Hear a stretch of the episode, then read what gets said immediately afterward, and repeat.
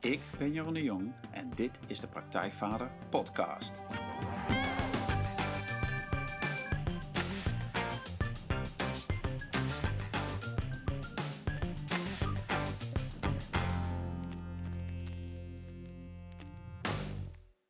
Welkom bij een nieuwe aflevering van de Praktijkvader Podcast.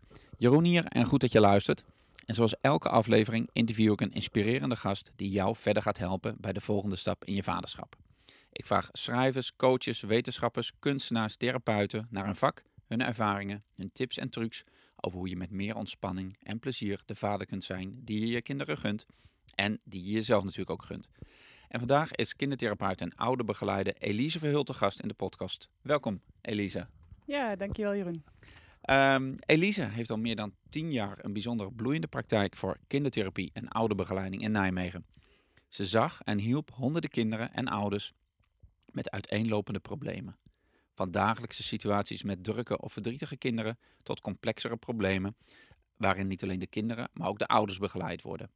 Mooi en belangrijk werk, maar Elise is op een missie, want ze wil de kindertherapie overbodig maken. Want, zoals ze zelf zegt, veel problemen met de kinderen hadden voorkomen kunnen worden als ouders eerder aan de bel hadden getrokken en misschien ook eerder naar zichzelf hadden gekeken. Elise is haar focus aan het verschuiven naar het begeleiden van ouders. En dat doet ze op een bijzonder uitdagende en energieke manier. Elise heeft een YouTube-kanaal waarin ze alledaagse kwesties als help mijn kind schat iemand anders uitbehandelt, maar ook eigenzinnige pep talks geeft voor bijvoorbeeld drukke en werkende ouders. En Elise gaat het theater in, want ze werkt hard aan haar theatervoorstelling Help je boze kind blij te zijn. En daarin zal ze ongetwijfeld haar inspiratie, ervaring en humor samenbrengen tot een mooie avond. En die voorstelling is weer de opmaat naar een online training. In dit interview gaan we het hebben over wat dat precies is, vreugdevol ouderschap, hoe je dat in de praktijk brengt en ongetwijfeld nog veel meer. Nou, Elise, um, ja, om maar meteen te beginnen. Vreugdevol ouderschap, wat, wat moet ik me daarbij voorstellen? Wat is dat? Ja, nou, vreugdevol ouderschap. Trouwens, bedankt voor je inleiding. Heel leuk om zo terug te horen. Ik krijg het helemaal warm van. Dat is echt heel leuk om dat te merken. Um, ja, vreugdevol ouderschap. Wat je al zei, dat richt zich echt op, op ouders. Um, en om de band met je kind echt, echt ook vreugdevol te laten zijn. En vreugdevol ouderschap ga, ja, gaat echt over dat contact. Het contact met je kind.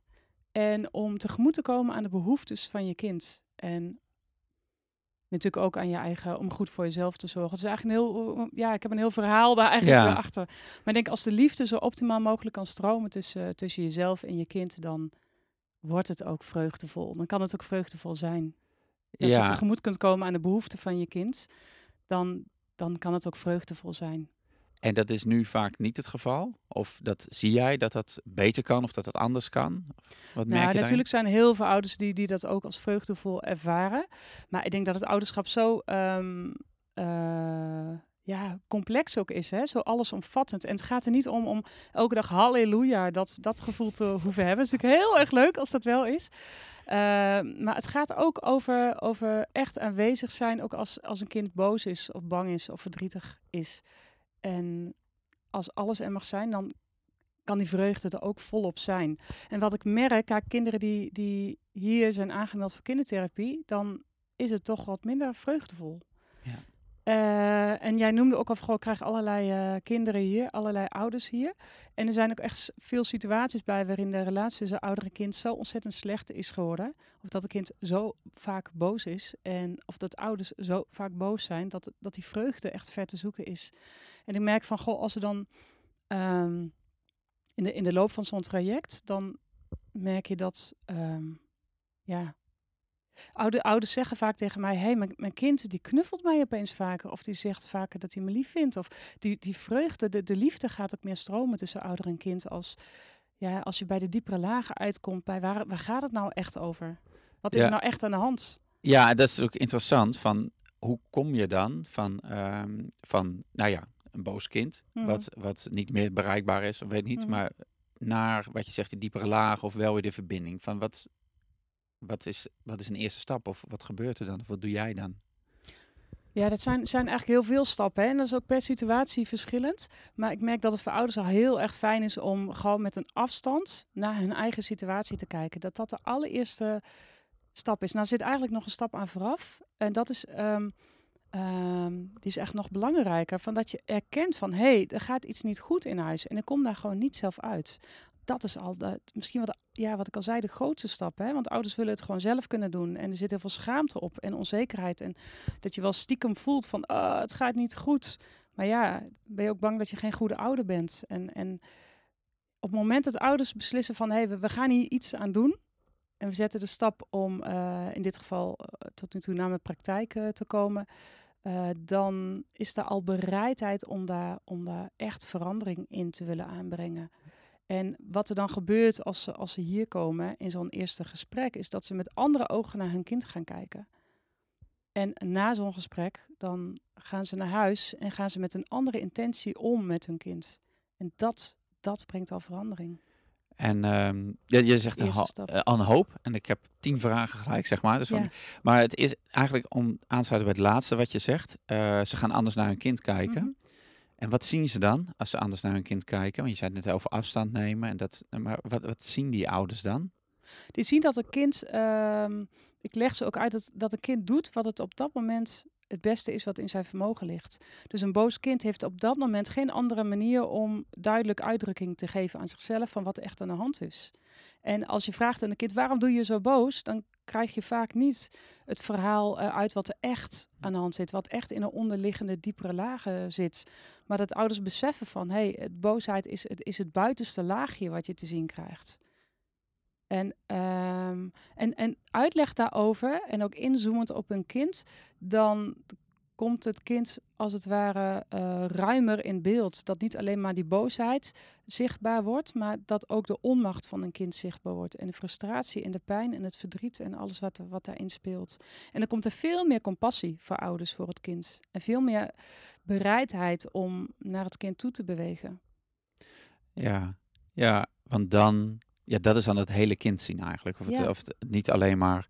En dat is lastig. Je zei, wat je, waar je ook net zei van uh, je wil als ouders niet toegeven dat je niet weet hoe het moet. Mm -hmm. Of uh, dat je, je zit met een boos kind in, in dit van en je weet niet hoe je dat moet bereiken. Ik kan me voorstellen dat, dat je zelf op een gegeven moment ook nou ja, tot hier zit, ja, zeg maar. En ja. misschien zelf heel boos of ja, verdrietig of pijn. Nou, weet ik allemaal onmacht. Mm -hmm. um, en nou ja, de ouders die bij jou komen, die hebben die stap al gezet. Dus die gaan, die gaan om uh, hulp vragen. Um, maar het is eigenlijk toch het is maf dat, dat je... En dan merk ik in mijn eigen training natuurlijk ook met, met mannen, met de vaders. Dat het, dat het best wel lang duurt voordat, voordat je als ouder zegt uh, dat je aan de bel trekt. Ja, klopt. En dat je ja. niet dat... Um, heel veel mensen dat niet tegen de ouders op schoolplein of tegen je eigen ja. familie zegt of uh, tegen je vrienden of zo. Ja. Waarom, ja. waarom doen we zo moeilijk? Ja, dat vraag ik me ook af. Ja. En ik vind het ook, ook wel, wel jammer dat het zo is. Want daardoor heb ik ook in een zo'n zo'n pep talk gemaakt van uh, daarover verteld. Van daardoor ontstaat er ook een soort onrealistisch beeld van het ouderschap. Hè? Alsof het aan de buitenkant moet het allemaal leuk en goed, uh, goed gaan. Maar ja, binnenshuis zijn, gaat, het, gaat het heel vaak niet goed. Ik ja, dat is hier... vaak gedoe. Doe dat het, zie je helemaal ja. niet aan de buitenkant. Nee, en er nee. zijn natuurlijk wel verschillende groepen ouders. Hè. Er zijn ook ouders die juist heel open zijn en heel makkelijk praten met vrienden. Hele, uh, noem dat, intieme vriendschappen hebben. Waarbij ze die kwetsbaarheid wel durven te laten zien. Maar er is ook een hele groep ouders die dat, die dat echt niet wil weten. En voor zichzelf al niet wil weten. Dus laat staan dat ze daarover praten met anderen. Ja, ja daar zeg je wel iets belangrijks van dat je het voor jezelf niet wil weten. Ja. Uh, niet, niemand raakt je dieper dan je kind. Door het ja. ouderschap dat ja, ik denk dat, dat dat komt uit je tenen of dat doe je zo je best voor. En zo um, ja. ook binnen je vermogen wat op dat moment mogelijk is, dat is nogal confronterend als dat niet goed gaat. Dat komt heel dichtbij. Ja. En ik denk ook dat ouders de angst hebben, dat vul ik misschien in, maar de, de, de angst hebben van dat anderen daar iets van vinden en dan adviezen gaan geven die gewoon helemaal niet passen bij wat ze op dat moment nodig hebben. Ja, maar hoe is dat dan voor jezelf? Hè? Jij bent moeder van twee kinderen. Mm -hmm. van, um, je hebt natuurlijk al die kennis, je bent professional, maar ik kan me voorstellen dat, uh, dat er ook dingen zijn bij jou thuis waar je wel eens tegenaan loopt. Ja, tuurlijk. Ja. Hoe doe jij dat dan? Van, uh, als er iets is waar je nou ja, op dat moment geen antwoord op hebt, hoe pak je dat zelf aan? Nou, ik praat heel makkelijk. En ik heb, uh, ik heb een ontzettende grote, lieve groep mensen om me heen. Um, met, ja, en denk een aantal, aantal hele dierbare vriendinnen wie ik daar gewoon over, over heb. Een uitwissel. En, maar de sleutel zit vaak in jezelf. Dat is wat ik heel erg voel. Uh, en ik, ik moet zeggen dat ik wel echt heel veel baat heb hoor, bij mijn werk. Voor jezelf, voor je eigen ouderschap. Ja, dat helpt ontzettend. Het helpt waanzinnig. Want ik, het is, het is, uh, ik kan het niet eens uitzetten. Dat stuk van dat ik begrijp waar kinderen doorheen gaan. Welke ontwikkelingsfase, wat daarbij hoort. En dat ik het niet persoonlijk opvat. Ik denk dat dat laatste ook heel erg uh, helpt.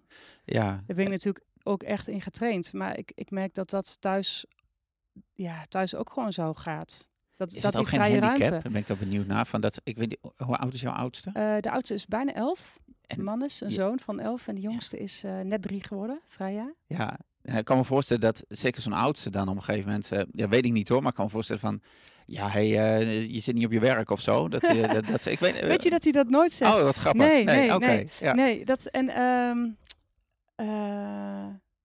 nee, ik denk dat hij er heel veel baat bij heeft, want ik kan, kan heel goed contact met hem maken. En dat het alleen maar heel fijn voor hem is. Want ik, ik ben er echt voor hem. En dat, uh, daar sta ik ook voor. Weet je, van, van dat vreugde voor ouderschap. Dat voel ik wel van, dat breng ik naar buiten. Maar dat is ook wel echt ook hoe ik dat zelf leef. En hoe ik daar ook echt in sta met mijn kinderen. Ja. Dus, uh, maar goed, eh, ik denk ook later, natuurlijk als hij volwassen is, ja, dan krijg ik natuurlijk alles terug te horen wat ik niet goed heb gedaan. ja. Maar wat dat is, ja, dat kan, ik nu nog, dat kan hij nu nog niet zeggen. Het is trouwens wel leuk. Ik vroeg laatst aan hem. Uh, ik heb natuurlijk wel nou ja, allerlei gesprekjes met hem ook. Zeg ik, hey, vind jij me eigenlijk een, uh, een uh, lieve moeder? En toen zei hij, nou, daar moet ik even over nadenken. ik vond het zo grappig. Ja, ja, dan heb je daar zelf, oh, heb je zelf je beeld van. Uh, ik denk dat ik toch echt wel een lieve moeder ben. Maar en ik dacht, nee, natuurlijk, door zijn ogen ben ik helemaal niet dat een lieve. Ben ik echt geen lieve moeder, want ik stel ook echt mijn grenzen. En ik zeg dat die iPad uit moet. En weet je, dat soort dingen. Dus dat is helemaal niet. Uh, ja. Ja, geweldig. Ja, het is altijd wat, wat, ik, wat, ik, wat ik een keer had. Is, dat is een voorbeeld dat ik vaak vertel, maar dat is zo herkenbaar. Van dat je je werk ook doet, zeg maar. Dus heel lang geleden zat ik een keer een, een video te maken. Mm -hmm. En dat ging over, nou, helemaal een thema waar jij ook mee bezig bent. Maar hoe voorkom je dat je staat te schreeuwen tegen je kind? Ja. Had ik een video over opgenomen en die zat ik, uh, zat ik na te bewerken. Mm -hmm. Gewoon laptop, keukentafel. En uh, Noek, mijn middelste, die zat naast mij. Uh, die was toen een jaar of acht, denk ik. En die, die vroeg gewoon, ja, wat ben je aan het doen, papa? Mm. Ik zeg, nou, dit en dit, uh, filmpje. En, voor de vaders en... En het gaat hier en hier over, over hoe je dan niet meer moet schrijven tegen je kind. Dan zei hij van, oh, maar dan kun jij ook goed gebruiken.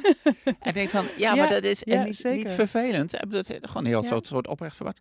Nou, wat, wat een goed idee, zeg maar. En dat, dat is het mooie van wat jij ook zegt. Van, uh, ja, je, je, je, doet je werk, maar je bent het ook. En het, is, het klopt helemaal. En ja, dat is verweven. In die zin is het niet van, ik doe een knopje aan als ik op mijn werk ben en ik doe het knopje uit als ik thuis ben. Dat is gewoon uh, wie ik ben, weet je zo. Ja. Maar natuurlijk, ik, ben geen, ik denk ook perfecte ouders bestaan niet. En ik ben ook geen, geen uh, weet je, het, het, is bij mij echt niet dat die kindjes uh, helemaal braaf op de bank zitten hoor. En wachten tot dat ze gaan luisteren wat mama, doet, wat mama zegt. Echt nee. niet. Nee, nee natuurlijk niet. Nee, okay. het zijn hele normale kinderen. Ja. We hebben ook slaande deuren in huis. En ja. weet je, boosheid en verdriet en angst en van alles. Het is, ja. ja, wat dat betreft niet anders dan ergens anders hoor. Nee, maar ik denk dat het verschil is wat jij zegt. Um, dat je en of je nou hè, vreugdevol, ouderschap, vreugdevol ouderschap expert of kindertherapeut bent, maar of dat je daar zelf gewoon als, als luisteraar nu al een aantal dingen hebt gedaan, dat Mm. je eerder um, ja, die stap kan maken van dat je ergens doorheen kan kijken wat je zegt. Van Ja. oké, ik zie nu heel veel boosheid bij mijn kind. Oké, er zit iets achter. Of als je bij jezelf heel veel boosheid voelt, dan Ja. oké, ja, hè, nou, dit is, moet ik nu even niet vanuit reageren, want dit, dit Ja. is niet constructief. Ja. En dat is, ehm, ja, dat is natuurlijk super waardevol. Ja, daar kun je alleen maar baat bij hebben. ja. Zeker. ja. Hey, en ehm, het, nou, dat gaat ook wel verder hierop, want op je website vertel je van dat je zelf eigenlijk voordat je moeder werd heel veel geïnvesteerd hebt in je persoonlijke ontwikkeling. Ja. En dat dat uh, nou ja, een grote schat was waar je uit kon Mhm. putten later. Ja.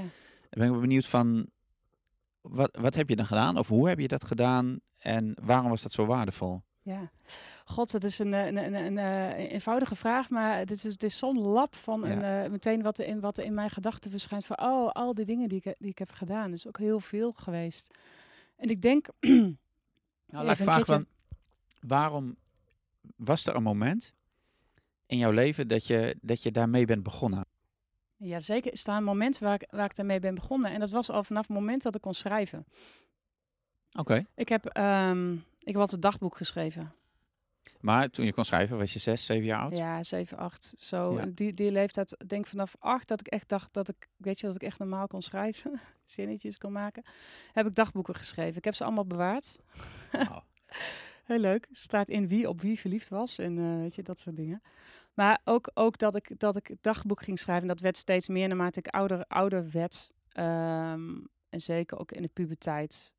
Ehm, ja, ging ik schrijven als ik, als ik me rottig voelde. En ik had hele gesprekken met mezelf. En achteraf kan ik, kan ik dat natuurlijk plaatsen. Hè? En dat ik eigenlijk gesprekken had tegen de, ehm, ja, de, de wijze Elise, zou je kunnen zeggen. Zoiets, hè? Mhm. Ik schreef eh, Lieve Benjamin. Benjamin, dat was dan mijn schuilnaam, als het ware. En ik was de jongste in het gezin, dus eh, vandaar de, de Benjamin. En dat is, daar, ik, ik stotte gewoon mijn hart uit. Maar ik kreeg ook antwoorden van... Ik, ik gaf ook antwoorden aan Ja. mezelf. Oké.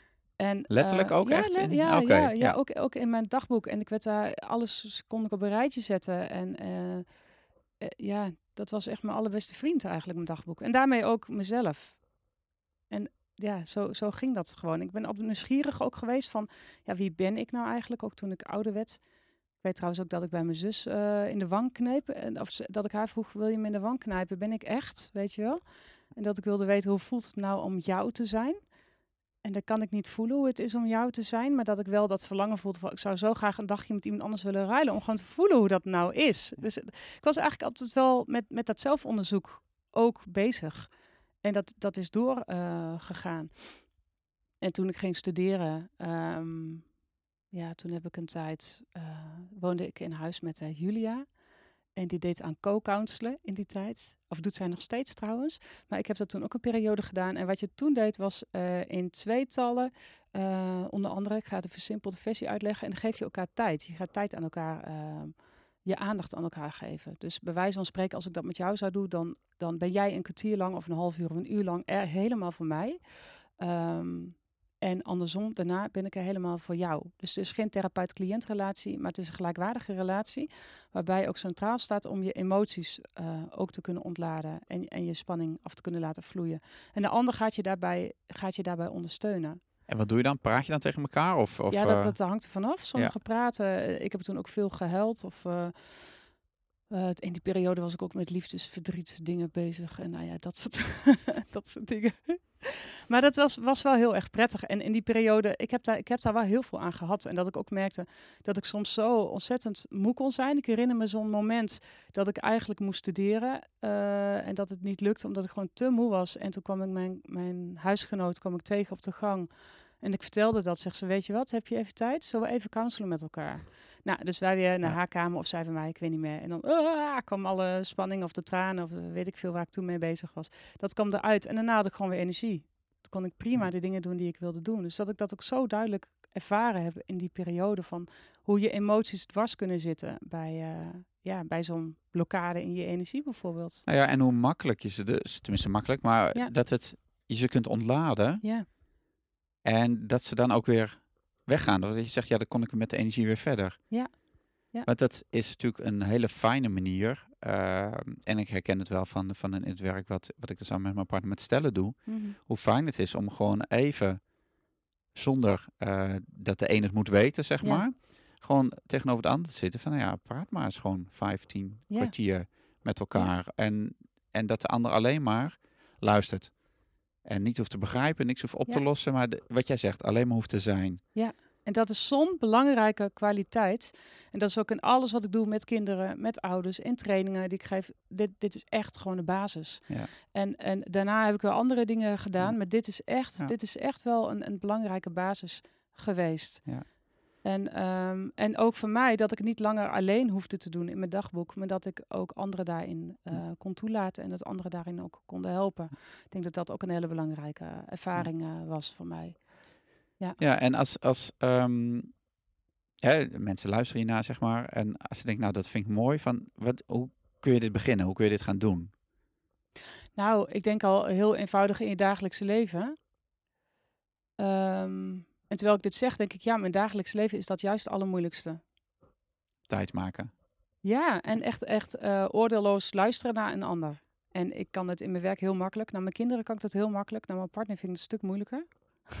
het is echt, omdat in die relatie veel meer, uh, noem maar dat, dingen uh, verweven zijn. Dat is voor, voor mij een, een, een, ik heb een hele liefdevolle relatie met, met Bob, maar ook, ook soms een moeilijke, uh, omdat we zijn echt heel verschillend en we zitten, onze stukken raken elkaar. En dan is het gewoon al veel lastiger om echt oordeelloos te luisteren. Dan wordt het echt ja, want het is echt een andere relatie dan met je kinderen. Ja, ja. maar ik denk wat ik zie, wat ik ervaar in mijn relatie met Bob, dat zie ik waar ouders in mijn praktijk heel veel mee worstelen met hun kind.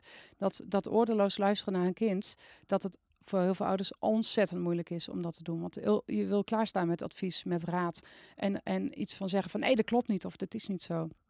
En dat oordeelloos luisteren gaat niet alleen maar over het luisteren naar wat een kind vertelt, maar ook naar zijn emoties luisteren. Dus het gaat niet letterlijk om luisteren naar een verhaal, maar aanwezig zijn. Echt.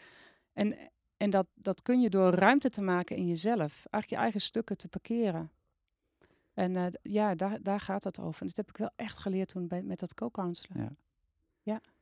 Ja, dus, maar om even terug te komen vanuit, als mensen dit willen gaan doen, dan zeg jij het is, uh, het is makkelijk, maar tegelijkertijd lastig om om te plannen, om die tijd te, maken, tijd te maken, maar ook om dat oordeelloos te luisteren. Ja, je aandacht vrij te maken voor een kind. En ik denk als je hier naar luistert, dat je als je bij zo'n spreken morgen met je kind bent en dit al in gedachten hebt, dat dat al helpt. Het is ook gewoon de bewustwording. Ja. En soms moet je gewoon op je lippen bijten en niet meteen zeggen wat je wil zeggen, maar even ruimte geven. En, en ehm, als een kind met een bepaald verhaal komt, dat het ook al beter niet meer eens, of ook al vind je het belachelijk dat je even niks zegt, maar gewoon belangstellende vragen stelt aan je kind, waardoor je kind voelt van hé, hey, je hebt interesse in mij. En, en uh, dat die aandacht bij het kind echt mag blijven bij, bij zijn ervaring, zijn ervaring. Ja, en dan kan het ook, hè, ik moet nu denken aan de situatie die ik gisteren had, van, dat kan ook ongemakkelijk worden hmm. als jij het moet alleen met het kind laten en zelf even nou ja, op je tong bijt. Hmm. Want uh, mijn jongste, Roos, die, die is op kamp nu. En uh, ik was daar gisteravond om een soort speurtocht door het bos te doen. En, maar ja, ik ging weer weg en zij bleef. En uh, zij vond het best spannend om dan alleen daar te blijven. En, uh, en er was van tevoren speelde het ook al een beetje, maar ze had het leuk met de vriendinnen. En, uh, maar dan zegt ze, ja, ik, ik durf eigenlijk niet te gaan slapen hier. Nou, de, de vader of de man in mij. Of die komt dan met oplossing. Oh, maar dan moet je gewoon even dit. Dan moet je naast die gaan liggen. Dan moet je met die gaan praten. En zeg je even tegen de meester dat. En dat je dat, je dat spannend vindt. Ja. Maar daar heeft ze helemaal niks aan. Nee. En het, dat, nou ja, dat, hè, dus ik moest inderdaad even op mijn tong bijten. Om dat allemaal niet te zeggen. En zo, oké, en dat gevoel. Oké, dus jij vindt het spannend om, om hier te blijven slapen. Ja. Ja, en uh, nou, wat vind je daar zelf van?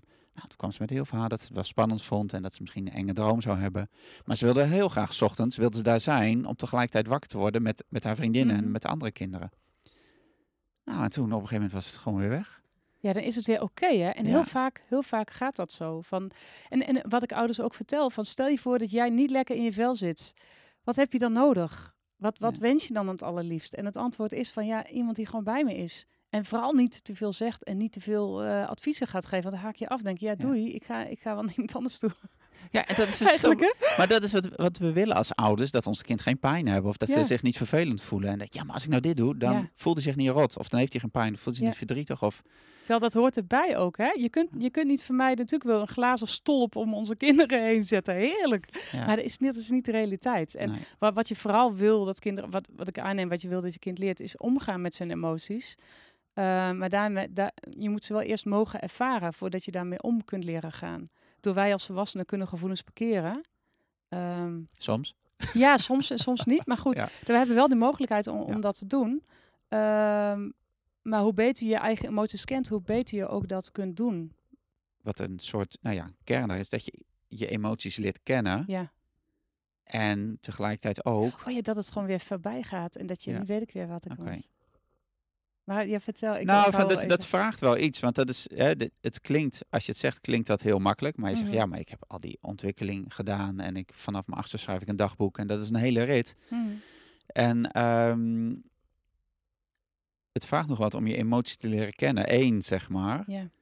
En daar dan tegelijkertijd ze ook weer niet in te verdwijnen of zo. Hè? Van, van, als je boos bent of verdrietig, wat dan ook, gefrustreerd. Dat je daar niet in nou ja, dat je niet in verdwijnt. Dat je niet vastpakt als het ware. Ja, en het is, dat is wel lastig met die balans. Hè? Want aan de ene kant, kijk, als je heel tijd afstand blijft houden, dan word je een soort koele kikker wat ook niet passend is. Of ja. niet passend, wat niet klopt of zo. Hè? Maar ik denk dat het, dat, dat, uh, dat het ook die combinatie is van uh, helemaal in.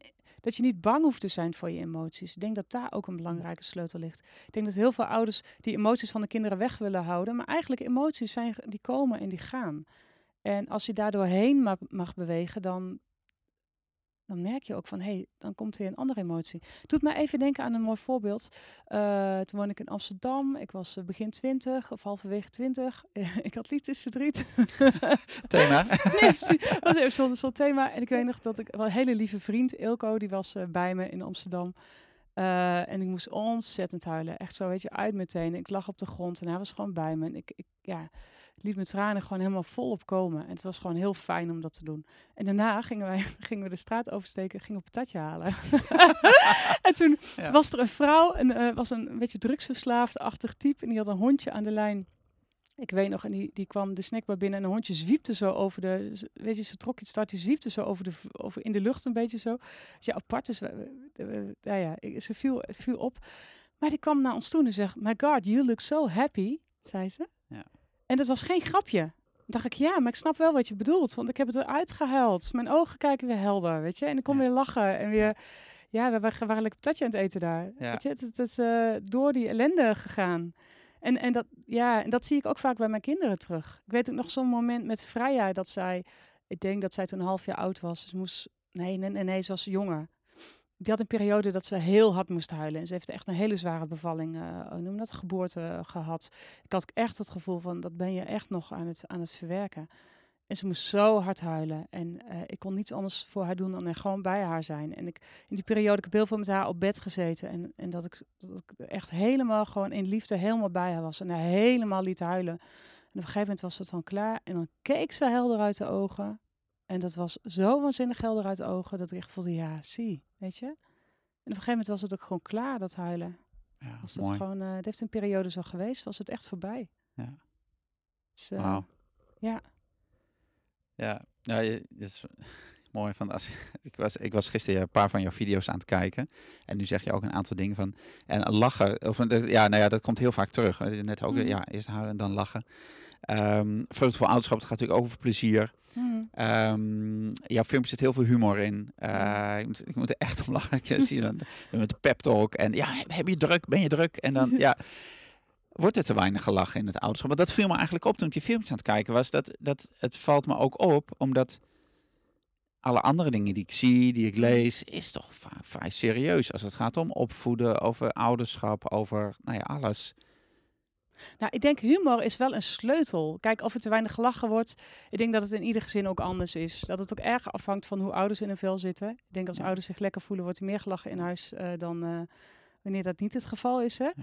Ja. Um, dus daar, daar, kan, ik niet in, kan ik niet inkijken. Ik heb vooral te maken met ouders die problemen ervaren met de kinderen, dus dan wordt er gewoon minder gelachen. Maar ik merk hier in de praktijk, ik, ik lach ook veel met ouders en vooral ook met kinderen. Want op het moment dat er uh, humor kan komen, dan um, bijvoorbeeld een kind dat met een bepaald thema zit, op het moment dat het in de praktijkruimte gaat spelen en, en dat thema tevoorschijn ploept, en dat hoeft helemaal niet letterlijk te zijn, want kinderen die, die uiten zich ook, laten het ook op een symbolische manier zien. Als daar, als daar mee gespeeld kan worden en, en gelachen kan worden, dan voel ik, hé, het is weer bijna opgelost. Want dan kun je het toe verhouden. En dit denken lachen, dat is ook binnen dat co-counselen, uh, was lachen, ook, werd heel duidelijk ook gezien, dat is een ontladingsmanier. En het gaat niet alleen maar lang leven de lol lachen, maar het is ook spanning. Ja. Kan je ook, dat, dat ontspant ook meteen. Dat ken ik ook. Als ik, met, als ik heel erg gelachen heb, oh man, dan voel je een ander mens daarna. Weet je? Ja, absoluut. En ook spanning kun je ook met lachen, niet weglachen, maar dat, dat ontlaat ook spanning. Ja. Dus ja, ik, ik vind over te weinig gelachen of dat weet ik niet. Maar ik, ik zou wel uh, gezinnen gunnen dat er lekker veel gelachen mag worden. Want humor, dat, dat uh, is eigenlijk de, een van de kortste wegen. Maar tegelijkertijd geef ik ook een waarschuwing, want um, uh, humor, een volwassen humor is anders dan een kinderhumor. Ik denk Hollandse humor kan flink sarcastisch zijn. En je kunt ook flink de plank misslaan als je dat op je kind gaat toepassen. Een kind voelt zich dan totaal niet gezien en erkend. Ja. Dus het gaat wel om, om liefdevolle humor, noem ik dat maar. Ja, nou dan moet ik aan denken, dat is een, ook een keer een podcast interview. En ik denk dat het met Gideon de Haan was, maar die zei er op een gegeven moment iets over dat, ehm, dat, dat humor kan, uh, dat dat inderdaad twee kanten op werkt. Het kan heel mm. ondermijnend werken als er in een gezin een bepaalde vorm van cynische humor heerst, of dat dat een norm is. Maar dat is niet leuk, hè? Nee, maar dat, is, dat is ook niet leuk. Nee. En, uh, of dat je je kind iets hebt en je maakt het weg met een grapje of zo, maar dan is het niet in contact of in verbinding. En dan geeft het ook niet die ontlading, want het roept alleen maar meer spanning op ja, eigenlijk. Precies. Heel mooi uh, gezegd, uh, ja. Ja, nou, maar dat is, ik, nou, ik herken het zo van, ik merk het ook van um, iets, wat, iets wat in mijn eigen training, um, de vader, vadervuurtraining heel vaak terugkomt, is dat, dat mannen dan op een gegeven moment vergeten, omdat nou, mannen, ja, humor is, is voor mij ook wel echt een mannelijke kwaliteit. Want heel veel mm. mannen kunnen dat inzetten. Um, maar je vergeet het in te zetten in de opvoeding. Mm. Zo'n zo'n dagelijks ritueel als het tandenpoetsen en pyjama aantrekken. Wat dan, wat dan heel lang kan duren. En dat zijn precies die momenten, ja. hè? Ja, en dan, ja. En dan uh, nou ja, dat kennen alle ouders wel. Want dan denk je, pff, heel de dag gehad, ik ben ja. moe. En nou, dit gaan we nu even doen. En dan kan ik straks, um, heb ik tijd voor mezelf. Mm -hmm. Om wat dan ook te doen, zeg maar. Maar ja, de kind heeft er geen zin, of dit is niet zijn moment, of het, het duurt en het duurt en het tandenpoetsen duurt en het pyjama trekken duurt en het in bed gaan liggen duurt. Ja. En dan, ja, als ouder of als, word je helemaal gefrustreerd, dan, het kan. Mm -hmm. ja, het moet nu, want straks begint mijn serie, of straks ga ik sporten, of straks ga ik weg. En het moet nu, om acht uur moet het klaar zijn. Mm -hmm. Nou ja, dan zit je helemaal verkrampt en dan word je gestrest. Ja. En op het moment dat je dan dan denk ik, ja, maar wat is nou, waar ben je nou goed in? Ja, zegt een man, ja, ik ben wel grappig. Of andere mensen vinden me grappig. Nou, kun je daar geen geintje van maken? Ja, maar het is helemaal niet leuk. Ik ga er geen geintje. Maar kun je kijken of je in die ja. stress een geintje kunt maken? Ja, dat zou ik wel kunnen. Want dan maak ik van een tandenpoetsen, ga ik een gek dansje doen. Ja. Nou, Hoppakee. kind ja. is uit het drama of wat er dan ook is. Of uit de frustratie. En negen van het, ja, maar dan duurt het veel langer. Zegt hij, ja, als ik nou een geintje van... Is vaak veel eerder, toch? Ja, je, je wint. Het is wel leuk dat je dit zo noemt. Want zo, zo vertel ik dat ouders ook vaak. Ja. Een soort gelijke strekking van je wint ontzettend veel tijd door in het contact te durven gaan. En, en uh, dat de kind ook voelt van, hé, hey, je hebt plezier met mij. Want de kind voelt heel duidelijk als, als je zegt, hup, snel in bed, want ik wil tijd voor mezelf. Dat is, dat is geen fijne energie om in, nee. bij in slaap te vallen. Nee. In slaap vallen is iets wat, wat om ontspanning gaat. En ik merk zelf ook met onze dochter Freya. Ja, die vindt tandenpoetsen soms prima en soms totaal niet prima. Nee. En houdt ze de mondje stijf dicht. Ja. maar op het moment dat uh, de roze panter erbij komt... Ja. heb ik een mooie foto, uh, staat ook ergens op mijn website met dat we tanden poetsen. Het roze, roze panter erbij. Ja, die kan heel goed tanden poetsen bij Dan ja. gaat het borsteltje in het handje van panter en dan, ah, dan gaat het mondje Ja. zo open. Ja. dat is echt fantastisch. Ja, dat is geweldig. Ja, Ja, en dat werkt. En op een gegeven moment werkt het niet meer. En dan ja dan weer iets anders. iets anders. Ja. Ja, maar het is wel die lichtheid. Die, Ja. die, dan hebben kinderen zin om je te volgen. En, en, maar, maar goed, je moet dat wel kunnen opbrengen Ja. in jezelf. Dat begint dus weer bij Ja. jezelf. Ja. Dat is met heel veel dingen in het ouderschap. Dat begint Ja. echt bij, je- bij jezelf, bij je eigen houding of hoe je zelf in je vel zit. Ja. En, eh, ja, en dan gaan je kinderen daar, daar veel liever in mee. Ja, want dat, dat raakt dan ook van, hè, het is wel interessant, die switch die jij aan het maken bent van echt kindertherapeut, waarbij je natuurlijk ook gewoon de ouders meeneemt, maar jij Mhm. Ja. bent echt een stap, ja, maar ik wil eigenlijk meer met die ouders aan de slag. Ja, een soort preventiever stadium eigenlijk Ja. ook. Ja. En wat, wat, wat is, ehm, ja, waar, waarom wil je dat? Want dat lijkt me, nou, Ja. omdat het me niet de makkelijkste keuze lijkt. Nou, waarom wil ik dat? Weet je, tijdens mijn opleiding op de eh, Academie voor Psychotherapie, waar ik de integratieve kindertherapieopleiding heb gedaan, daar, werd, daar, daar, daar leerden wij van wat kinderen nou echt nodig hebben. En, ehm, en ik weet dat ik toen al dacht, wat raar dat wij dat leren, terwijl ouders moeten dit toch weten. En ja, en dan krijg je dat clichématige verhaal van een hondje, dan moet je op puppycursus en voor je kind niet en zo, hè. Nou, maar ik weet, ik weet al, tijdens mijn opleiding ben ik ook trainingen gaan geven al aan ouders. Want ik had zoiets ja, dan moet ik het toch delen. Weet je, dat kan ik toch niet van mezelf houden. Dit is toch te belangrijk om dat te weten. Eh, en, en zo is dat gebleven. En ik heb ook in, in al die jaren heb ik ook parallel aan, aan mijn werk in mijn praktijk ook eh, trainingen gegeven. De ene periode meer, de andere periode minder. Net, net hoe het voor mij uitkwam. Eh, dus da daar zit een heel diep verlangen van mij. En ik vind het heel erg leuk om, eh, om groepen ouders eh, te begeleiden. Daar heb ik echt passie op. En ik heb heel veel passie voor het werken met kinderen. Als kindertherapeut ben ik echt gespecialiseerd in de wereld van, van het kind. Om vanuit het kind echt, echt ja, te snappen hoe dat werkt. Dus daar kan ik ouders heel mooi over vertellen. En tegelijkertijd, door mijn eigen ontwikkelingsproces, heb ik ook heel veel compassie. Of nee, niet compassie, heb ik heel veel. Ja, is dat ook, is dat ook echt mijn interessegebied, dat ontwikkelingsproces van volwassenen. En wat ik echt heel gaaf vind, is die parallele ontwikkeling tussen ouder en kind. Dat een kind is zich aan het ontwikkelen van een heel afhankelijk wezen. Uh, is het zich aan het ontwikkelen tot een, een uh, persoon met een eigen ja, zelfstandigheid, autonomie. En dat het op een gegeven moment goed voor zichzelf leert zorgen en op eigen benen kan gaan staan. En zich ook staande kan houden in de wereld waarin we leven. En aan de andere kant heb je het proces van de ouder. Wat, wat de, ja, de ouder die heeft al de eigen opvoeding achter de rug. En die gaat juist meer weer op zoek van. Maar wie ben ik nou voorbij al mijn aannames, voorbij mijn opvattingen, voorbij mijn eigen uh, jeugd. Um, ja, om weer puurder te worden. En die lijnen die lopen parallel aan de kamer dan in een andere richting. En dat vind ik heel fascinerend, heel mooi. En dan krijg je een kind en je kind die, die is die puurheid nog. En hoe puurder je zelf bent, hoe beter het lukt om je kind in, in de puurheid te zien. Of te kunnen blijven zien.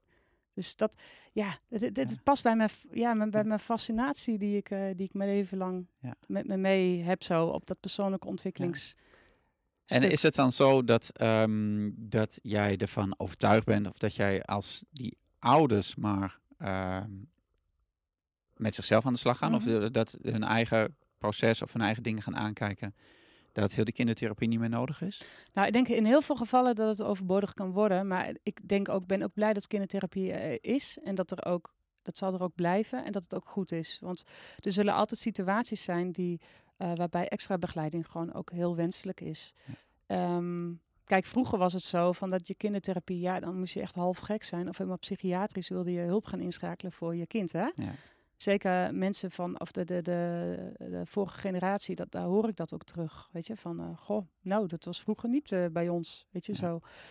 Uh, en, en het is mooi dat het wel is en dat mensen ook in een vroege stadium die stap kunnen zetten. Maar ik denk dat ja, op het moment dat je, dat je al in een vroege stadium leert begrijpen wat je kind voor jou nodig heeft. En leert begrijpen dat bijvoorbeeld een peuter niet expres jou zit te jennen.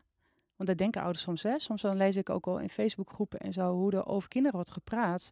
En dat, dat doet me altijd een beetje pijn. Ik, jeetje, wat denigrerend. Weet je, van terwijl een kind op het moment. En dat, dat is niet expres dat ouders dat doen, maar ik denk dat er ook heel veel onwetendheid in zit. En als je begrijpt waar een kind doorheen gaat in zijn fase, dan zal dat meer compassie geven. En zul je al vanzelf meer ruimte krijgen om je kind te begeleiden op een niveau waar het kind zit. En wat ik ook merk is dat heel veel ouders hun kind ontzettend overschatten. Ehm, en dan krijg ik eh, beelden in mijn hoofd van, van ook even wat een heel duidelijk voorbeeld is van kinderen die heel erg slim zijn. Kinderen die heel goed kunnen praten. Dat ouders dan eigenlijk vergeten dat het kind op sociaal-emotioneel niveau gewoon echt nog bijvoorbeeld een kleuter is. Uh, en op het moment dat, dat ze daarin wat wakker worden en dat daar inzicht in krijgen, dan gaan ze hun kind toch weer anders benaderen. En dat helpt ontzettend. Ja, want nou, dan voelt het kind zich weer meer gezien. Want ja. die wordt eigenlijk benaderd op een manier die niet passend is. Ja. En de verleiding snap ik. Van als je kind gewoon hele volzinnen en gesprekken voert, denk je ja. Hey. En, um, maar dan zie je het eigenlijk weer, zoals je in het begin van, dan zie je het kind weer helemaal voor wat het echt is, voor wie hij of zij echt is. Ja, en dan komt die ontspanning, want dat is wat een kind wil, hè, wat we allemaal willen. We willen allemaal gezien worden voor wie we zijn. Dat is, dat is universele behoefte. Heb jij ook, heb ik ook, hebben alle kinderen of alle mensen. Dat is. Uh, en op het moment dat je, dat je ook benaderd wordt in, in, je, in, in de fase waarin je zit, of dat dat begrepen wordt, en dan kan er ontspanning zijn. En dan kan een kind voelen van, hé, hey, mama of papa begrijpt mij. Of die sluit aan bij waar ik zit. Dat je ja, goed kunt afstemmen. En, en de ene ouder heeft dat van nature makkelijker dan een ander. Maar ik denk dat je daar wel heel veel in kunt leren. En als je dat in een vroege stadium leert, uh, en, en snapt hoe die ontwikkelingsprocessen zitten. En dat je ook snapt van dat een kind allerlei gevoelens bij je gaat aanraken. Maar dat dat niet de schuld is van het kind, maar dat het echt je eigen proces is. Als je daar meer over begrijpt, dat het waanzinnig helpt in het ouderschap. Want dan hoef je die gedragingen van je kind niet meer zo heel persoonlijk te nemen. En dat geeft al ruimte. Ja, het is zo, want dit, hè, wat je vertelt, het gaat over over hoe je met je kind omgaat, maar het gaat eigenlijk ook over hoe je met je partner omgaat of hoe je met je ouders omgaat. Eigenlijk van hoe je met iedereen omgaat. Van, Dat het begint bij jezelf. Uh, dat, je, dat je het niet persoonlijk maakt, zoals je net zei. Het gaat niet mm. over jou eigenlijk. Je kind doet iets, maar die is jou niet aan het jennen. Of, um, dus ja, dat is, dat is, ja, dat, dat is fantastisch. Als je dat, als je op een gegeven moment voor gaat, zeg maar, als je dat gaat doen. En ehm, nou, waar ik wel benieuwd naar ben, is, ehm, is eigenlijk van ehm, hoe jij kijkt. Ja, dat wilde ik vragen. Hoe jij, ik ben benieuwd hoe jij kijkt naar eh, het hele stuk van opvoeden eigenlijk. Of wat dan je taak is als, als ouder Mhm. naar je kind toe. Ja. Je kunt een hele soort, soort mechanische eh, visie van opvoeden hebben van ja, maar ik doe dit en dit. En dan ga ik ervan uit, of hoop ik dat dat en dat eruit komt. Ehm, maar ja, hoe, hoe zie jij dat? Nou, het grappige, het eerste waar ik op insteek is het woord opvoeden. Eh, ik gebruik die term zelf zo min mogelijk eigenlijk. Dat is een soort antipathie die ik heb op, dat op die term. Het lijkt net alsof je een, eh, iets is wat nog niet af is. En dat heeft dan een bepaalde opvoeding nodig en dan wordt het af. Net als bij een hondje eigenlijk. Hè? Dat een hondje moet je opvoeden. Dat, eh, terwijl eh, bij een kind, hoe ik daar naar kijk, is dat je, dat je als wezen echt gelijkwaardig bent aan elkaar. Als ziel of als mens. Maar je hebt wel een hele andere rol ten opzichte van elkaar. En als ouder eh, ben je degene die het kind begeleidt in het, in het leven. En ben je ook een, eh, hopelijk voor het kind een stabiele factor die ook consequenties kan overzien. Ehm, en die ook echt een hele andere belevingswereld heeft van dan een kind natuurlijk. Hè? Ehm, en, en je helpt je kind om, om, volwassen, om volwassen te worden en om ja, te leren vertrouwen op zijn eigen autonomie, eigenlijk op, op, op zijn eigen gevoel. Ehm, ik weet niet, is dat een beetje te Nou ja, ik vind het wel vraag? interessant. En, en dan natuurlijk de vraag van, ja, dat, dat, dat snap ik. Dat, daar kan ik helemaal zo Mhm. achter staan. Maar van, ja, maar hoe doe je dat dan? Wat ga je dan doen? Dan krijg je een baby.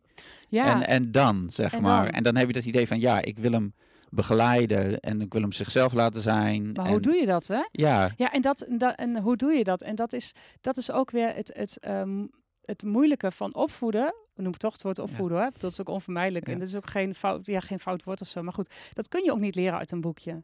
En, en het moeilijke daarvan is dat het een ontzettend transformerend proces is. Dat al je cellen van je lijf aangaat. Eh, wat je niet kunt leren van dit moet je doen en dan krijg je dat resultaat. Want het hangt echt af van de situatie van hoe, wat voor kind heb je. Daar begint het al mee, hè? Eh, en en wat, voor, wat, voor, wat voor achtergrond heb je zelf? Wat voor persoon ben je zelf? En hoe matcht dat met elkaar? En hoe is de relatie met je partner? Er zijn, het is eigenlijk zo complex. En, en je leert het ook gaandeweg. Dus ik zou niemand een blauwe druk kunnen geven van, nou, dit moet je doen en dan krijg je niet een fantastisch leuk kind. plan tot een perfecte, veel- perfecte volwassene. zijn. Ja. Dus wat dat betreft Ja. zeg ik ook wel eens tegen ouders, het is zo jammer, maar eigenlijk, maar goed ook, ik denk dat er ook geen bal aan is hoor, dat een kind niet met zo'n handleiding wordt geboren. Dat je precies weet, bij dat kind moet je dat doen en dan, dan gaat het wel goed. Ja, dat is gewoon niet. Nee. Ik denk het leven is zo mysterieus. Dat vind ik ook zo wonderschoon. Maar dit maakt het ook zo ingewikkeld. En het is een één grote ontdekkingstocht, Ja. één groot avontuur. En hoe opener je daarin kunt staan, hoe eh, fijner het avontuur eh, gaat, gaat worden, denk ik. Maar goed, je komt altijd weer dingen tegen. En dan denk je van, nou, en nu gaat het goed. En dan, dan gaat een kind zich weer op een andere manier ontwikkelen. En dan moet je weer nieuwe eh, dingen in jezelf aanboren. Of ja, het is echt een ontdekkingsreis. Het is een ontdekking, dat is Ja. mooi. Ja, ja zo, zo, dat moest wel lachen. Jij, jij zei handleiding. En ik, ja, nou, van, pff, ik heb eh Noek maar middels, daar had ik graag een handleiding van gehad, zeg maar. Ja. Maar nee, die bestaat niet. Dus Nee, die die, bestaat die niet. schrijf je samen, of weet ik Ja. veel, of helemaal niet. Maar in ieder geval, je, je vindt samen een weg. Ja. En, ehm, En met, en met het ene kind gaat het gewoon ook makkelijker dan een Ja. ander kind. absoluut. Weet je, die heeft Ja. een karakter wat gewoon makkelijker past. Of wat je juist wel herkent of juist niet herkent. Ja. Die gewoon minder op jouw uh, spreekwoordelijke knopjes eh, Ja. drukt. Ja, en zelfs dat kan, merk, is mijn ervaring kan ook weer veranderen. Ja. Dat, dat tot z'n twaalf, mijn oudste kon ik tot z'n twaalfde mee lezen en schrijven. Ja. Ja, toen gewoon puberteit, middelbare school. En ik denk, Hello. hè, wat, gebeurt hier, wat gebeurt hier, zeg Ja. maar? Ik, ik snap jou niet meer. Ja. Toen moest ik weer opnieuw ja, gaan kijken van Ja. wat is hier nou echt aan de hand. Al mijn aannames van hoe hij is en hoe ik ben en hoe wij het samen doen. Ja. Zo laten gaan. Hij vond de films niet meer leuk die ik leuk vond, de boeken niet meer leuk. Hij ging op school en hij... het is altijd zo past ook bij die puberteitsfase. het is allemaal volstrekt logisch. Ja. Maar het was wel even schakelen. Ja, Ik van, wat gebeurt eh, hier nou? dat, lieve, dat lieve kind dat... eh Ja. ja, ja, ai, ai, ai, Ja, denk, gaat het is op. hartstikke leuk, want Ja. leer ik dingen van hem. Hij is aan het loskomen, hij leert mij dingen. Dus dat is allemaal fantastisch. Maar zelfs per kind verschilt dat per fase weer of zo. Ja. Had je daarop kunnen eh, voorbereid kunnen zijn, denk je?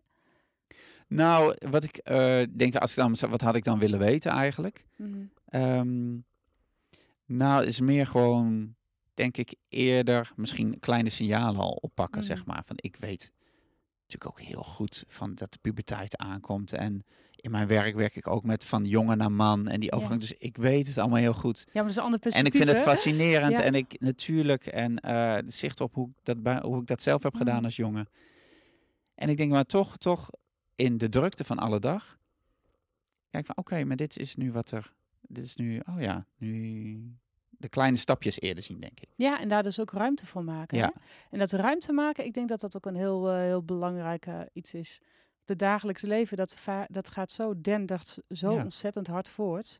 Terwijl de kinderen worden zo ontzettend snel groot. Ja. dat het ook heel, heel waardevol is om daar ruimte voor te maken. Maar ook ruimte maken voor wat je daarin tegenkomt. Ja. Ja, en vervolgens nou in dit voorbeeld dan voor mij ook weer een stuk afscheid nemen. Ja. Dit is afscheid van ja. een manier van omgaan die we met elkaar hebben, uh, dezelfde interesses of de grapjes die we samen hebben.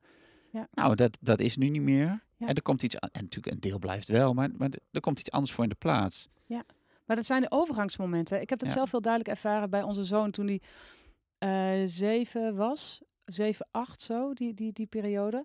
Als je kijkt naar het proces van een kind, uh, in energetisch opzicht is het de eerste jaar ontzettend verbonden met de ouders. En zeker met die moeder waar het in is gegroeid en bij heeft gedronken.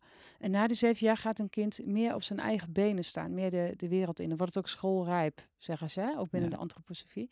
Nou, ik heb het echt voelen gebeuren bij, bij mijn zoon, dat hij, dat hij verder van mij vandaan ging. En dat hij meer met zijn vader ging doen. In die fase gingen ze veel voetballen op zo'n voetbalveldje. En ik heb ze echt zo, in, in mijn gevoel, echt zo laten gaan, als het ware. En in die periode uh, werd ik ook zwanger van Freya. Wat dat betreft was de timing echt wonderschoon. Het was echt heel mooi. Want ik voelde ook van, ach, ik kan hem, hij is minder, uh, minder dichtbij. ik voelde van, hé, hey, of ik ga afscheid nemen van die fase. Maar toen, nou, toen kwam, werd ik prachtig zwanger. Dus en nu, nu nu is dat hele dichterbij, is weer met, met Freya, die echt een heel andere fase zit dan hij. Maar ja, hij is elf en hij is echt weer steeds verder, verder van ons vandaan. Hoewel ook nog steeds heel erg verbonden, maar dat is een totaal andere fase. Het is echt heel anders. Ja, en dat is afscheid nemen. Ik weet nog in die fase ook van toen hij 7, 8 was, dat ik dat ook echt voelde in mezelf. Van ach, oeh, slik. Van het is oké, het is prima. In zijn fase, dat hoort helemaal bij. Het is goed dat dat gebeurt. als dat niet gebeurt bij een ouder en een kind, dan Weet je, dat is ook belangrijk dat het, dat het uh, losser gaat. Maar ja, inderdaad, wat jij ook zegt, heb ook je eigen proces daaromheen. Ja. ja. Ja. Dat loopt langs elkaar heen, hè? Dat kan en mooi zijn en moeilijk zijn en Ja, maar alles. het is allebei. Het is, ja. en, en dat is, dat is hè, waar het natuurlijk vaak in is, die, die, die, emoties of wat het in je raakt, als dat er gewoon mag zijn, zonder dat je het weg hoeft te maken of vast te pakken, ja, dan kan het er ook zijn. En dan, ja, dan doet het misschien even pijn, of het is verdrietig, of het raakt je ergens. Maar dat is oké. Ja, dat mag er gewoon zijn. Dan hè? hoef je pijn bij jezelf ook niet weg te maken. Maar ook niet bij je kind, van niet bij je partner. Of, ja. ja. en dat, dat is ook een belangrijke sleutel van alles wat onder dat matje zit. En dat benoem ik ook in filmpjes, hè? Al met wat humor erbij. Maar ik ja, maak, vergroot het maar. Of letterlijk straks op het theater van, dan vergroot ik het uit. Ook met kinderen eigenlijk. Maak het soms helemaal niet belachelijk, maar dat ik iets zo, uh, zo groot maak in spel. Of als ik met ouders praat, dat het daardoor weer lachwekkend wordt. En dan kun je het toe verhouden. Maar het mag wel zijn. Ja. ja. Haal het maar onder het matje vandaan, want dit zit er. Ja, het zit er toch Doe al. het matje maar omhoog, ja, weet je? Iedereen weet dat het, ook al hebben we het er niet over, iedereen weet dat het er zit. Ja, ja. ja. Hey, het is mooi. Jij gaat theater, dat is leuk. De, uh, dat, uh, daar ben ik heel nieuwsgierig naar. Ja, want, ja. mooi. Ja, nee, die stap. Nou ja, we, gewoon, we hebben het over je filmpjes gehad en je stap. En nu ga je bezig met een voorstelling, een theatrale lezing. Maar je gaat het podium op en dan, wat ga je doen? Wat ga ik doen? Uh, de voorstelling heet Help je boze kind blij te zijn. Uh, ik ga inzoomen op boosheid, want boosheid is echt verreweg de meest voorkomende aanmeldingsklacht geweest hier in de praktijk. Okay. En daar op dat stuk heb ik ook mijn eigen ontwikkelingsweg. Uh, natuurlijk zijn er meerdere ontwikkelingswegen geweest, maar dat is ook een belangrijke lijn. Um, dus ik denk dat ik de ouders en kinderen ook goed op kan begeleiden op dat stuk. Daarom over boosheid. ik ga op het podium ga ik dingen laten zien. Ik ga dingen vertellen. Ik ga zingen. Zingen Zo. op het podium. Ja, ja. heel leuk.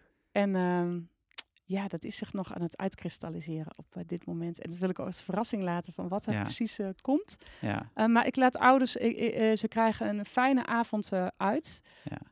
Ehm, en dat ze er ook echt wat van opsteken met een lach en een traan. Ja. En ik hoop dat ze echt geraakt worden in hun hart en met andere ogen weer naar hun situatie gaan kijken. Dus ik ga ze meenemen ja. om reis eigenlijk. Ja.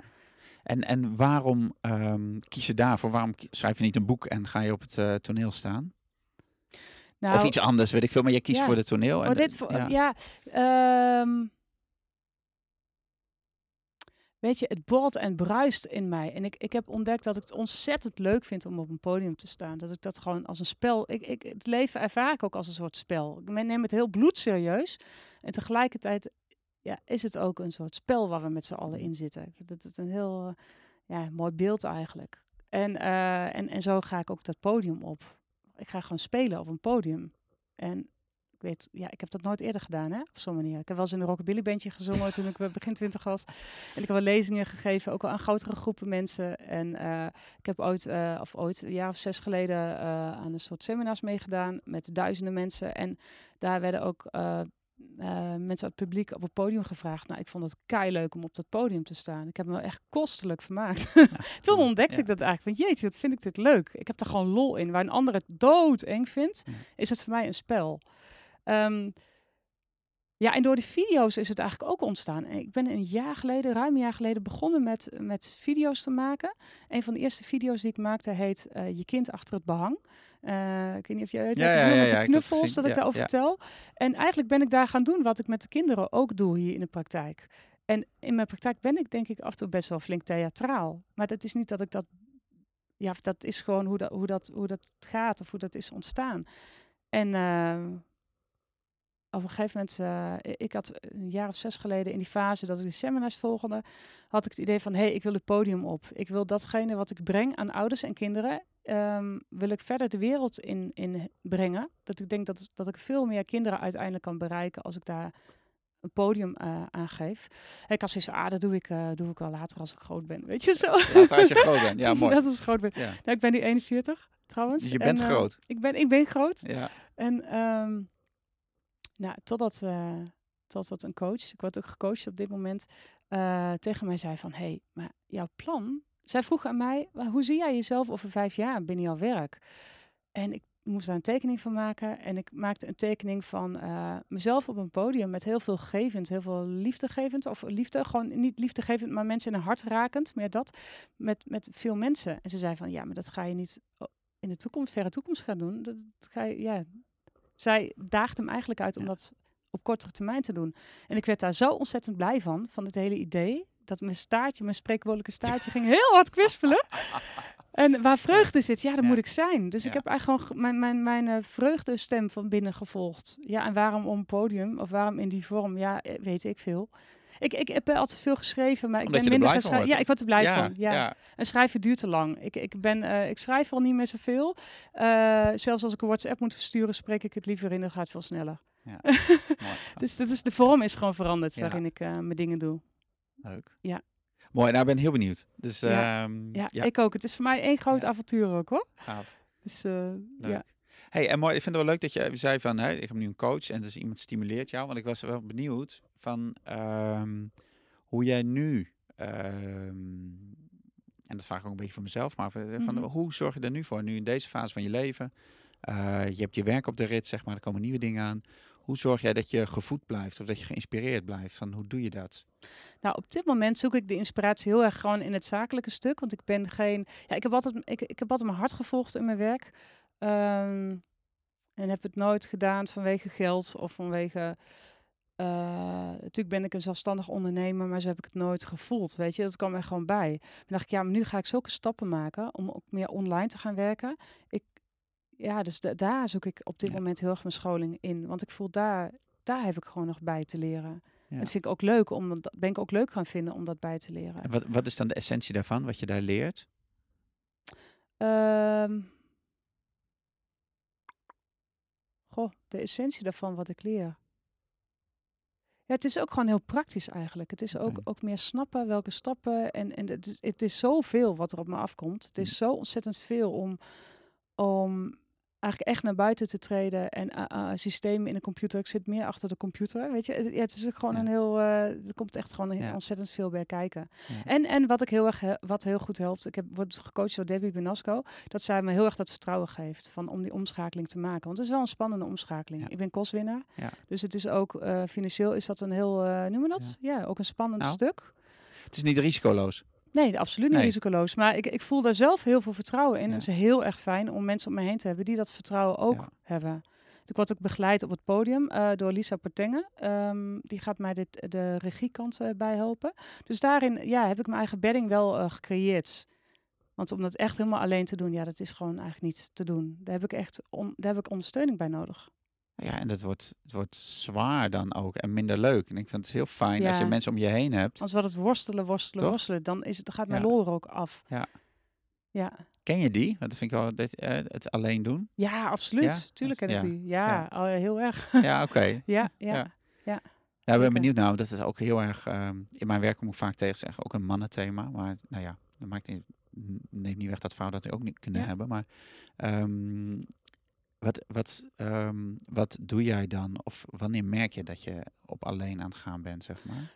Uh, dan krijg ik uh, stress en onrust in mijn lijf. Ik voelde dat uh, in het voorjaar. Toen, even kijken, nou, dit is een heel lang verhaal. Dat ga ik niet vertellen. wanneer voelde ik dat Even denken. Ja, ik voel, ik voel het in mijn lijf als ik te veel in het moeten zit. En eigenlijk de tijd veel te krap is. En wat ik heel erg gaaf vind, wat ik nu ook leer in het, in het coachingstuk, waar Debbie waanzinnig mooi en goed op begeleidt, is van ja, het, het doen, de doestand, die is bij mij bijvoorbeeld heel groot. Hè. Ik ben echt een doener. Dat is een, soort mannelijke energie, zou je kunnen zeggen, maar die heb ik heel sterk. Bam, bam, bam, bam, recht, dus tak, tak, tak. Kan heel snel werken ook. Uh, ik denk snel en die, nou, die, die acties volgen daar ook op. Um, maar om echt plezier te hebben, is het ook belangrijk om, die, om niet te veel in, alleen maar in die stand te zitten. Je moet ook, en creativiteit heeft ook ruimte nodig en plezier nodig. En uh, ik vond dat heel gaaf. In de zomer heb ik dat heel mooi mogen ervaren ook. Van, ik had natuurlijk vakantie, of de, de kinderen hadden vakantie.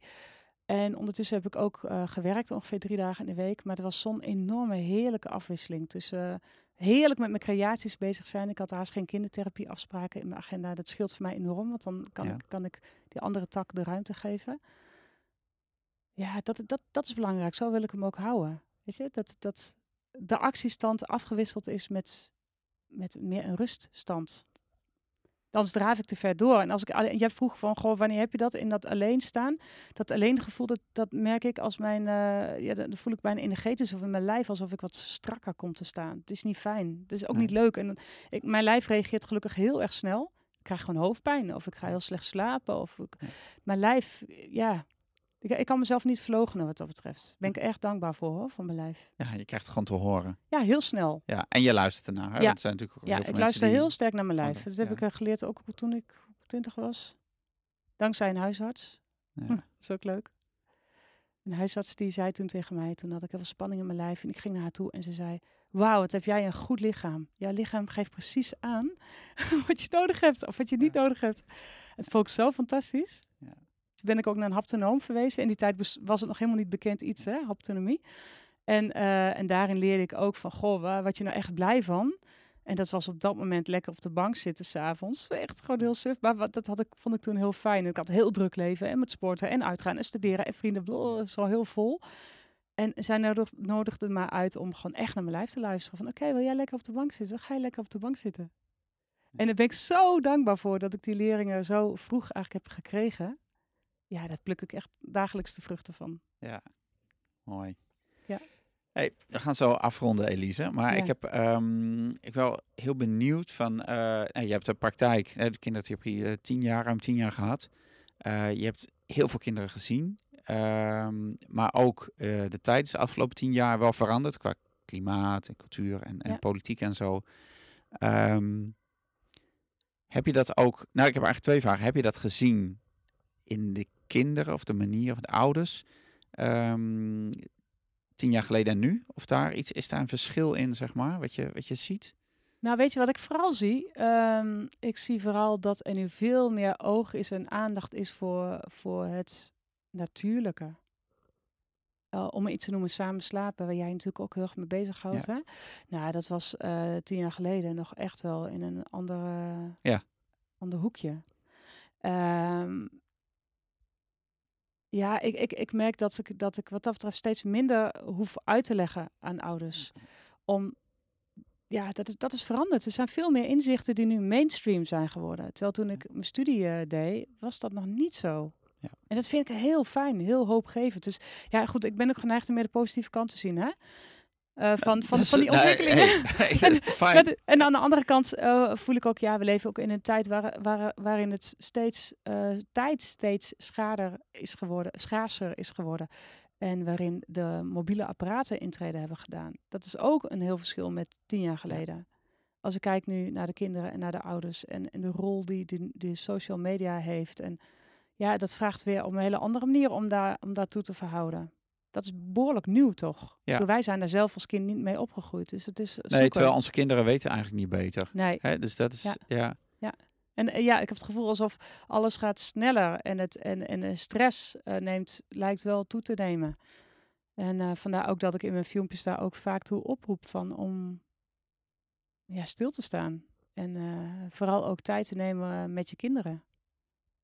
Ja, want, want hoe doe je dat? Hè? Want ik proef een beetje bij jou van, hè, weet je, die mobiele telefoons zijn er, uh, dat internet is er nou eenmaal.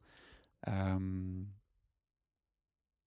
wat zeg je tegen ouders? Wat zeg je daarover tegen ouders? Want is, ik, ik vraag het omdat heel veel ouders worstelen daarmee. Van hoe ga ik om met, uh, met dit? Met, ja. met mobiel internet, met internet, met de iPad, met, met tv, met alle beeldschermen, Netflix. En ik denk dat het heel... Kijk, het, het uh, gouden antwoord heb ik niet. Hè. Ik ben ook een ouder die daarin aan het zoeken is. Uh, uh, wat, wat heel belangrijk is, denk ik, om te beseffen, is dat je kind uh, op het moment dat het achter een scherm zit, niet dat alle schermen meteen slecht zijn, hè, want zo, zo effect dat ook niet, maar dat je geest eigenlijk zo open staat en dat wat je tot je neemt rechtstreeks naar binnen gaat. Ik, leg het, ik heb heel veel gesprekken met mijn zoon hierover. Uh, die vindt YouTube-filmpjes vindt hij, vindt hij helemaal geweldig. Hè? Je hebt allemaal vloggers. Nou, er zitten allerlei verschillende kwaliteiten in. Hè? Er zitten ook echt types bij waarvan ik denk, maar god, neemt hij dat als rolmodel? Echt, oh help. Nou, dan, dan wordt een appel gedaan op het ordeloos luisteren. Hè? Gelukkig is hij heel open en laat heel veel dingen zien. En dan is het echt de kunst om niet te snel op stop te drukken of de ding dicht te klappen, maar mee te kijken. Een vraag te stellen. Mee te kijken naar wat hij boeiend vindt. En dan te vragen, wat vind je daar zo boeiend? Of, goh, hoe zou dit of dat zijn? Of...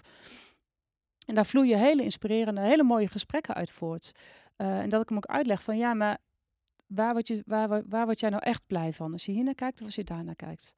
En, en, en hoe ik het ook zie van, ja, dat vergelijk het ook wel eens met een zak snoep. Van één snoepje is helemaal lekker en helemaal fijn, helemaal prima. Twee of drie ook nog wel. Maar als je een hele zak leeg gaat vreten, dan stop je wel heel veel gif in je lijf. Nou, zo is het ook met die social media. Van, je kunt daar echt keuzes in maken. Van, er zijn dingen die heel erg prachtig mooi zijn. Die heel erg kunnen inspireren. Die heel erg kunnen optillen.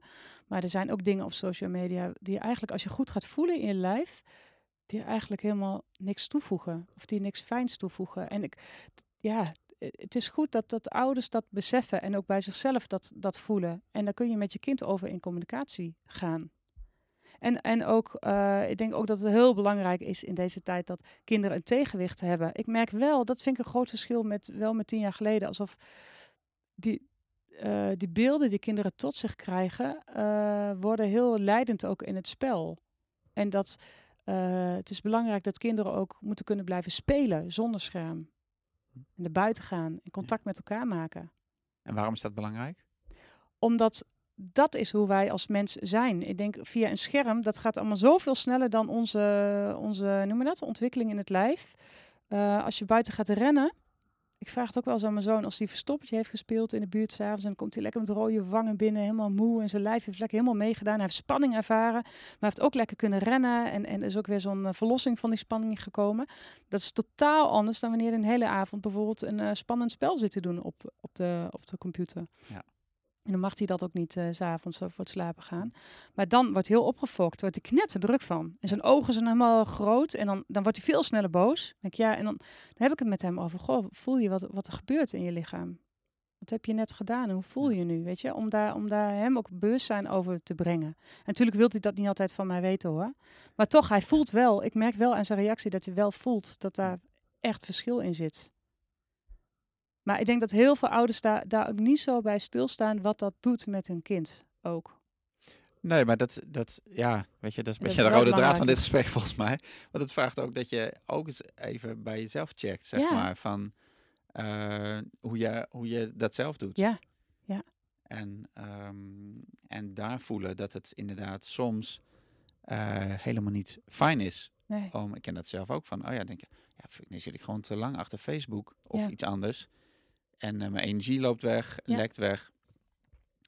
En uh, daar zou ik mee moeten stoppen. Of daar moet ik mee stoppen. Of, dat, ja. ja. ik kan een serie gaan kijken.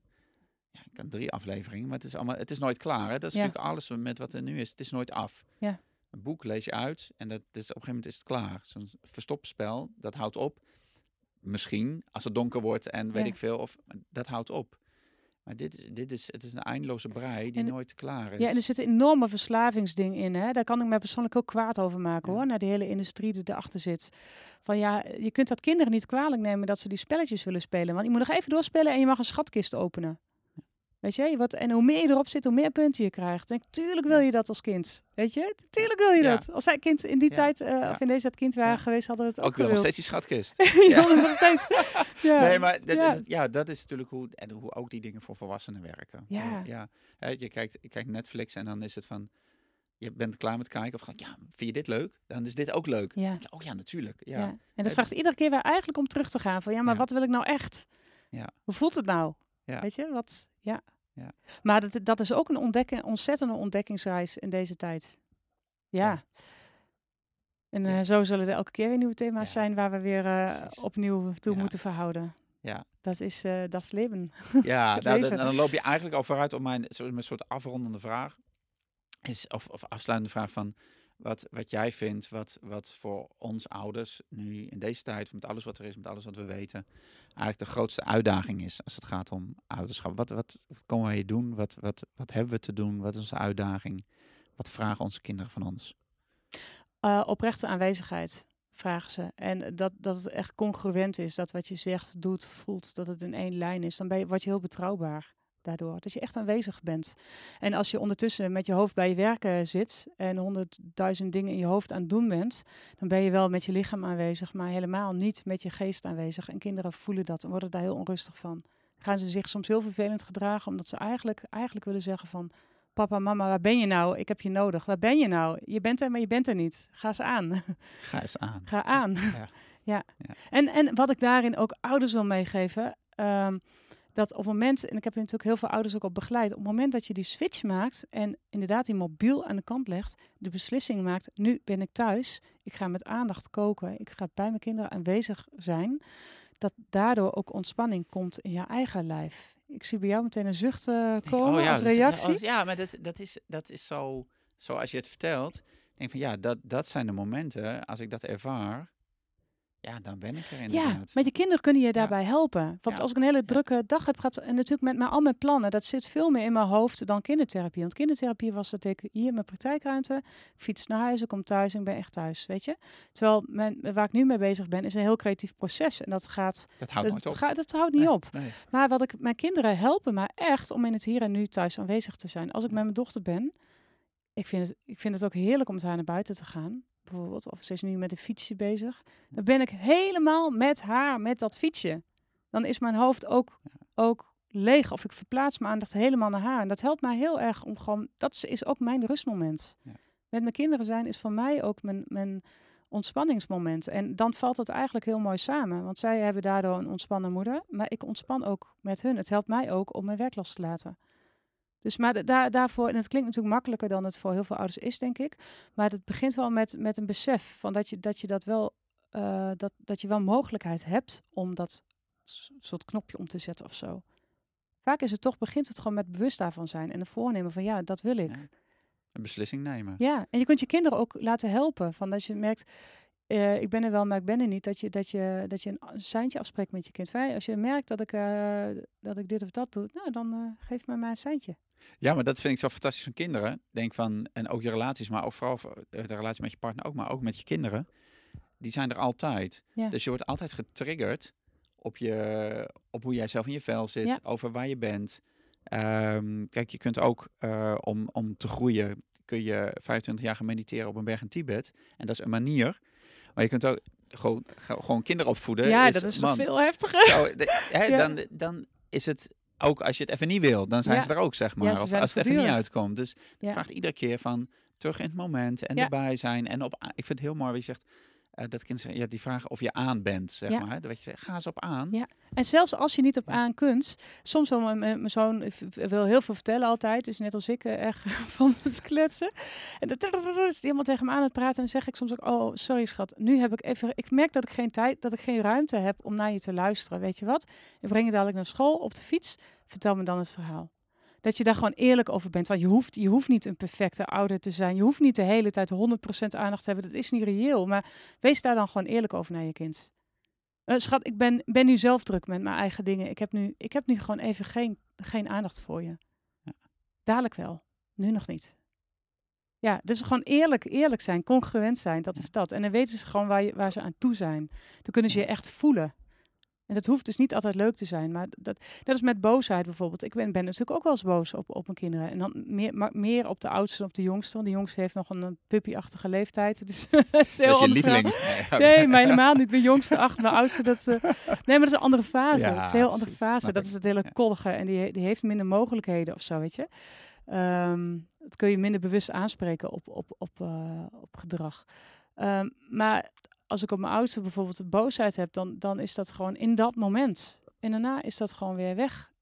En dan weet je, dan, dan ja, hij weet wat hij aan me heeft, daardoor ook. En als ik mijn eigen lading er niet bij op hoef te gooien, het gaat vooral dat je voor je eigen lading zorgt. En als het gewoon past in dat moment, om op dat moment een boosheid uh, te hebben, dan is dat gewoon wat er is. dan is dat ook heel duidelijk. Ah, ik vind het zo mooi van ja, en dan gaan, dat is echt, nou, ik kan nog een uur verder praten, maar dit, die, die boosheid is zo'n krachtige energie. En er zitten zoveel oordelen op van als je, oh, ik ben boos tegen mijn kind of ik ben uitgevallen tegen mijn kind. Maar het gaat heel erg hoe je hem inzet. Want het kan ook heel erg, wat ik zelf merk, ja. Nou ik had net over mijn zoon Tijn. Die heeft af en toe ook gewoon een, een grens nodig of een spiegel. En dan probeert hij iets, merk ik dat hij bij mij iets uitprobeert. Een geintje wat hij dan op school maakt met zijn vrienden. Dat mhm. legt hij dan op mijn bord. Denk ja, oh, zo gaan we niet met elkaar om. Dit is niet, dat mag je met je vrienden doen. Maar dit is niet hoe wij met elkaar omgaan. Ja, dat zeg ik En dan ook. Zie, zie je hem even zo. Ja. Meen je dat nou echt? Ja, oh, echt. Oh, ja, dan voelt hij hem. Ja. Dan voelt hij die grens en dan is het even... Oké. Ja. En dat, nou ja, dat is zo... Ja. Het is volgens mij voor mij heel erg... Dat is voor mij natuurlijk ook een thema. En, en of je boosheid soort, soort bij jezelf houdt en inzet. Of dat je hem soort uit. Ja, maar het maakt uit of, of, of, die boosheid past bij dat moment. Of stel je voor, het voorbeeld wat ik vaak noem met de volle emmer. Stel je voor dat, ik, uh, dat het slecht met mij gaat. Ik heb slecht geslapen. Ik heb veel stress, bla bla bla. En mijn zoon die doet iets, bij wijze van spreken. Hè? En, en uh, uh, of een kind doet iets en je wordt daar boos over. Is een verschil. Dan waarschijnlijk ga je je hele emmer leeg storten over je kind. En dat is het verschil. Druppel. Hij was de laatste druppel. En dat is een belangrijk verschil. Dus hou je eigen emmer leeg en dan, dan kun je boos reageren gewoon in dat moment. Er zit niet je eigen lading daarachter. Nou ja, en daarom is zelfontwikkeling zo belangrijk. Dat is een mooie afronding zo. Hè? Zelfontwikkeling is, is, om die reden. Ja, ja, dan, dan kan je emmer leger blijven, waardoor je uh, uh, op een passende manier kunt reageren op je kind. Je kind hoeft niet jouw lading over zich heen te krijgen. Dat is je eigen verantwoordelijkheid. Je bent zelf verantwoordelijk voor wat er in jouw emmer zit hoef je niet over je kind uit te storten. Dat is het, ja. het hele belangrijke. Mooi. Zo, die is gezegd. Elise, we ronden af. Eh, de allerlaatste vraag is belangrijk. Eh, die mag je beantwoorden. Als mensen nou um, ja, meer over jou willen weten, waar, waar moeten ze dan kijken? Waar moeten ze terecht? Waar gaan ze, waar moeten ze heen? Naar www.vreugdevolouderschapexpert.nl En daar vinden ze alles over jou. En ja. dan vinden ze je filmpjes, je blogs, je gewoon alles. Ja, ja Facebook ook. Vinden. Ja. Helemaal goed. Staan alle door. Of ja, Facebook, die directe link is facebook.com slash vreugdevol ouderschap. Ik zet ze ook op, de, op de website in ieder geval. Dus dat uh, komt helemaal goed. Um, dankjewel Elise. Super. Leuk gesprek. dankjewel. En, um, vragen. Ja, en als je luistert, uh, super dat je er weer was. Uh, fijn dat je geluisterd hebt. Zoals je weet, inmiddels kun je je gratis abonneren op de Praktijk van de podcast. Uh, dat kan via iTunes. Uh, als je Apple-apparaat hebt. Als je Android-toestel hebt, dan kan het via de gratis app Stitcher. Um, dat kan, daar komen ze iedere keer, iedere nieuwe aflevering wordt automatisch op je telefoon, uh, krijg je een melding van. Je kunt ze ook gewoon via de website luisteren, dat is www.praktijkvader.nl podcast. Vind je deze aflevering van Elise terug, um, maar ook alle andere afleveringen. En daar vind je ook linkjes naar uh, dingen die we genoemd hebben, de websites. En dat kun je er allemaal vinden. En voor nu wens ik jou een hele fijne dag. Heb het goed en uh, tot de volgende podcast. Doeg! Voordat je gaat wil ik je nog even wijzen op het volgende. En dat gaat over Vurige Vrijdag. Hoe zou je het vinden om elke vrijdag een heel korte en uiteraard gratis mail van mij te ontvangen met daarin 5 tips die het leven met je kinderen een stuk leuker en moeitelozer zullen maken? Vurige Vrijdag is een korte mail met een dwarsdoorsnede van wat ik de afgelopen week ben tegengekomen op mijn reis door de wereld van bewust en betrokken vaderschap. Het kunnen inspirerende artikelen zijn, citaten, spullen die ik heb aangeschaft, films of boeken om zelf of met je kinderen te lezen en te kijken, tips voor een uitstapje, inzichten uit mijn trainingen, een korte oefening die je meteen thuis kunt uitproberen en nog veel meer. Zie het als een instant inspiratieshot net voordat je weekend begint. Veel mannen willen graag concrete en praktische tips. Nou, hier heb je ze. Ga naar www.praktijkvader.nl slash vurige-vrijdag voor een eerste indruk en meld je daar meteen aan voor je wekelijkse vader inspiratieshot. Dus www.praktijkvader.nl schuine streep vurige streepje vrijdag. Heb het goed!